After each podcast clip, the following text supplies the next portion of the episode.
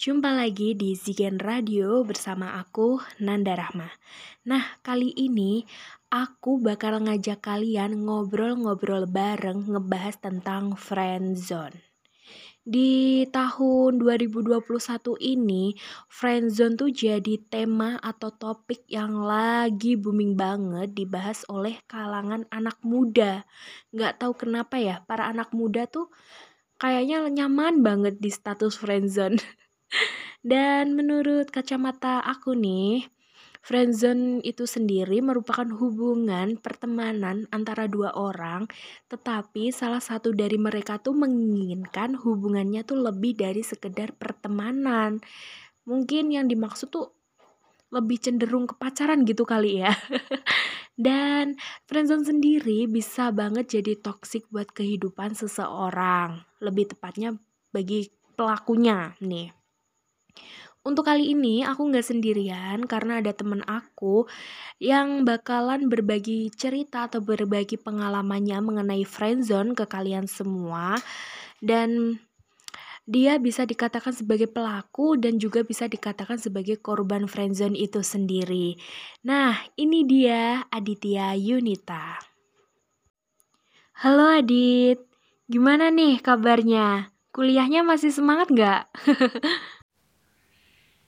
Hai Nanda, Alhamdulillah kabarku baik. Kuliah juga cukup lancar semester ini meskipun tugas tetap bertubi-tubi datang sih. Iya nih, alhamdulillah juga masih semangat meskipun udah di penghujung semester 6. Oke, daripada kita ngomongin kabar yang gak ada ujungnya, eh, sesuai dengan topik pembicaraan kita kali ini, aku mau nanya nih, sama kamu. Menurut versi kamu, hubungan yang bisa dikatakan sebagai friend zone itu hubungan yang kayak gimana sih? Friend zone itu kan dari kata friend sama zone. Yang kalau diartiin jadinya zona pertemanan. Nah, di sini maksudnya friendzone versiku ya hubungan antara dua orang lawan jenis yang sebenarnya ada rasa lebih entah di keduanya atau salah satunya gitu. Tapi gak ada yang mau ngungkapin rasa itu. Misalnya nih ya A itu cewek terus B itu cowok. Mereka udah temenan lama nih. Tapi si A sebenarnya berharap lebih dari sekedar temen sama si B kayak gitu sih menurutku Nah, aku penasaran banget nih. Gimana cara kamu tahu atau kamu sadar mengenai hubungan kamu sama si dia ini yang awalnya hanya berteman aja, yang gak ada rasa apa-apa, kok jadi friendzone itu kayak gimana sih? Sadarnya sih sebenarnya baru-baru ini. Kalau aku ternyata ada di posisi friendzone itu. Aku selalu ngerasa jadi orang pertama yang dia butuhin. Dia selalu cerita apa pun ke aku. Padahal sebenarnya dia itu punya circle sahabat gitu dari SMP. Tapi nggak tahu kenapa selalu aku yang jadi orang pertama yang dengar keluh kesahnya sama cerita kesehariannya kalau dirunut flashback ke masa-masa dulu lagi, aku deket sama dia itu udah dari SMP juga. Apalagi waktu SMP kelas 2, kita ada di organisasi yang sama. Jadi partner malah. Dia tuh jadi ketua, terus aku jadi wakilnya. Dari situ kita mulai deket saat itu kebetulan dia baru aja putus sama pacarnya. Jadi ya dia sering curhat gitu ke aku. Sampai ada di satu momen dia ngasih hadiah ke aku pas aku lagi ulang tahun. Dan aku mulai mempertanyakan, ngapain dia sampai segitunya? Apalagi di dalam kado itu juga ada sepucuk surat yang isinya lumayan klingi sih. Tapi setelah lulus SMP, kita jadi agak jauh. Soalnya kita beda SMA. Di situ aku ngerasa cukup kehilangan sosoknya gitu. Terus pas aku kuliah, dia mulai balik lagi. Kita jadi deket lagi. Berawal dari iseng ngebahas tentang K-pop, sampai akhirnya merembet ke hal-hal pribadi, ngebahas tentang kesehariannya dia gitu.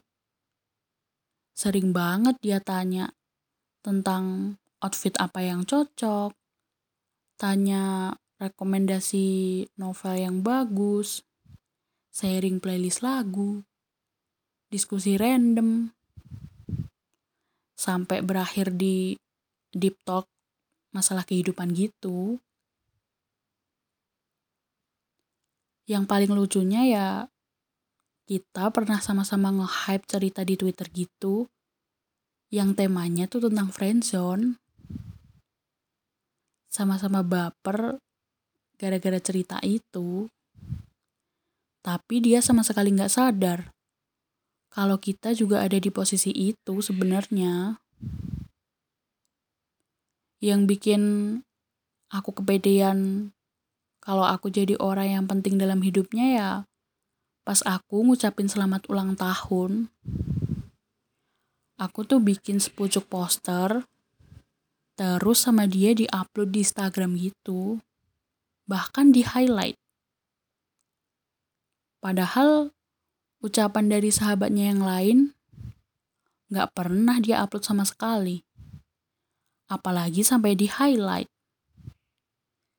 Terus pas dia pengen bikin akun buat tulis-menulis tentang quotes gitu, dia nanya ke aku apa nama pena yang cocok. Dan rekomendasi nama dari aku dia pakai sampai sekarang emang sebenarnya ini hal yang sepele banget sih ya. Tapi bagiku ini berarti banget. Dia juga pernah ngajak aku buat pergi berdua, tapi berujung aku tolak. Takutnya di situ aku bakal canggung sama dia. Dan gak bisa ngontrol denyut jantungku sendiri kadang aku suka kepikiran buat one step closer ke dia gitu. Bukan hanya sebagai teman. Ditambah lagi dari berbagai macam perhatian-perhatian kecil dari dia yang sering banget bikin aku GR setengah mati. Aku jadi merasa diperhatiin banget. Terus tiap aku yang gantian berkeluh kesah gitu, entah tentang masalah sehari-hari atau masalah kuliah, dia tuh selalu mau dengerin aku. Atau bahkan ngasih semangat gitu. Aku masih inget, dia juga pernah bilang kalau aku itu cewek yang paling kuat pasti bisa ngelewatin semuanya. Kalimat-kalimat penyemangat dari dia itu yang selalu bikin aku jadi pengen bangkit lagi. Kayak jadi pemantik semangat buat hari-hari aku gitu. Terus kamu pernah ngerasain gak kalau hubungan friendzone tuh kamu ngerasa kayak dirugiin atau bahkan ngerasa kok toksik banget ya hubungan ini gitu. Kamu pernah nggak ngerasa kayak gitu atau berpikiran kayak gitu? Sejauh ini sih aku ngerasa fine-fine aja di hubungan friendzone ini. Aku nggak pernah ngerasa dirugiin atau toksik gitu sih. Malah aku seneng kalau dia lagi cerita tentang kehidupannya aku justru ngerasa, oh ternyata aku juga ada gunanya ya buat orang lain. Aku tuh bukan tipe pencerita yang baik. Tapi setidaknya aku mampu jadi pendengar yang baik buat dia. Aku selalu pengen ada buat dia. Pas dia lagi ngebutuhin pertolongan atau hal-hal lainnya gitu. Ngomong-ngomong nih, apa sih yang ngebikin kamu betah berada di posisi friendzone kayak gitu?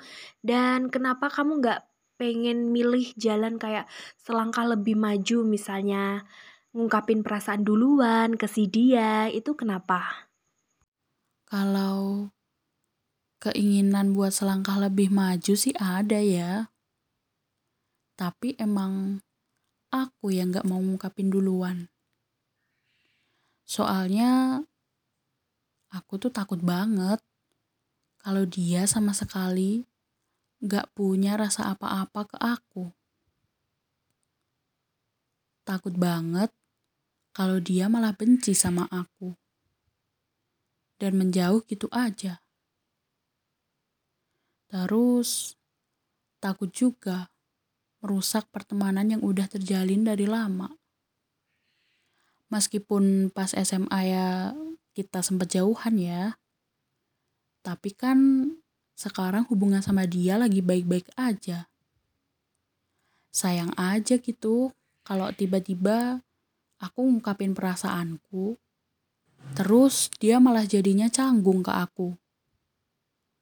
Atau nggak mau temenan lagi sama aku.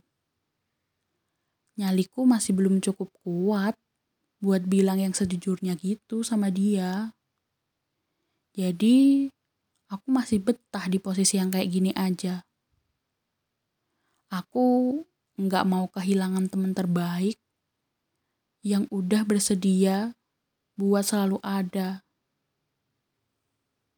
Finally, aku pengen tahu banget nih, gimana cara kamu bisa mengendalikan diri atau melepaskan diri dari status friendzone itu.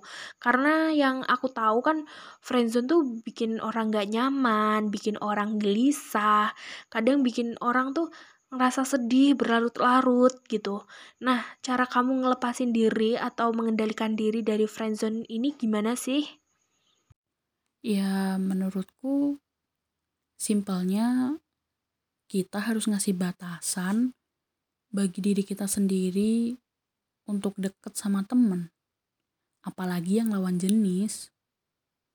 Soalnya emang rawan banget sih ya kejebak di posisi friendzone kayak gini. Apalagi kalau circle pertemanannya tuh cuman berdua doang antara satu cewek sama satu cowok. Untuk melepas status friendzone sih harusnya emang diungkapin aja apa yang dirasain ke dia. Tapi ya dengan konsekuensinya dia bisa aja menjauh malahan setelah kita mengutarakan perasaan kita ke dia. Takutnya malah justru kehilangan lagi kan? Buat aku sendiri belum bisa sih bilang apa yang aku rasain ke dia. Aku juga gak mau ambil resiko. Jadi ya let it flow aja. Kalau tetap jadi temen bisa ngebuat dia gak menjauh dari aku, ya aku milih terus jadi temennya dia aja. Nah, setelah kita ngobrol-ngobrol bareng sama Adit, semoga apa yang menjadi pengalaman Adit tadi bisa menjawab kegundahan hati kalian mengenai friend zone. Dan untuk kalian semua yang belum bisa move on sama status friend zone, ayo dong move on. Karena aku tahu nih, kalau friend zone bakal bikin hati kalian makin sedih dan hidup kalian makin ribet aja. So, aku akhirin episode kali ini dan sampai jumpa di episode selanjutnya.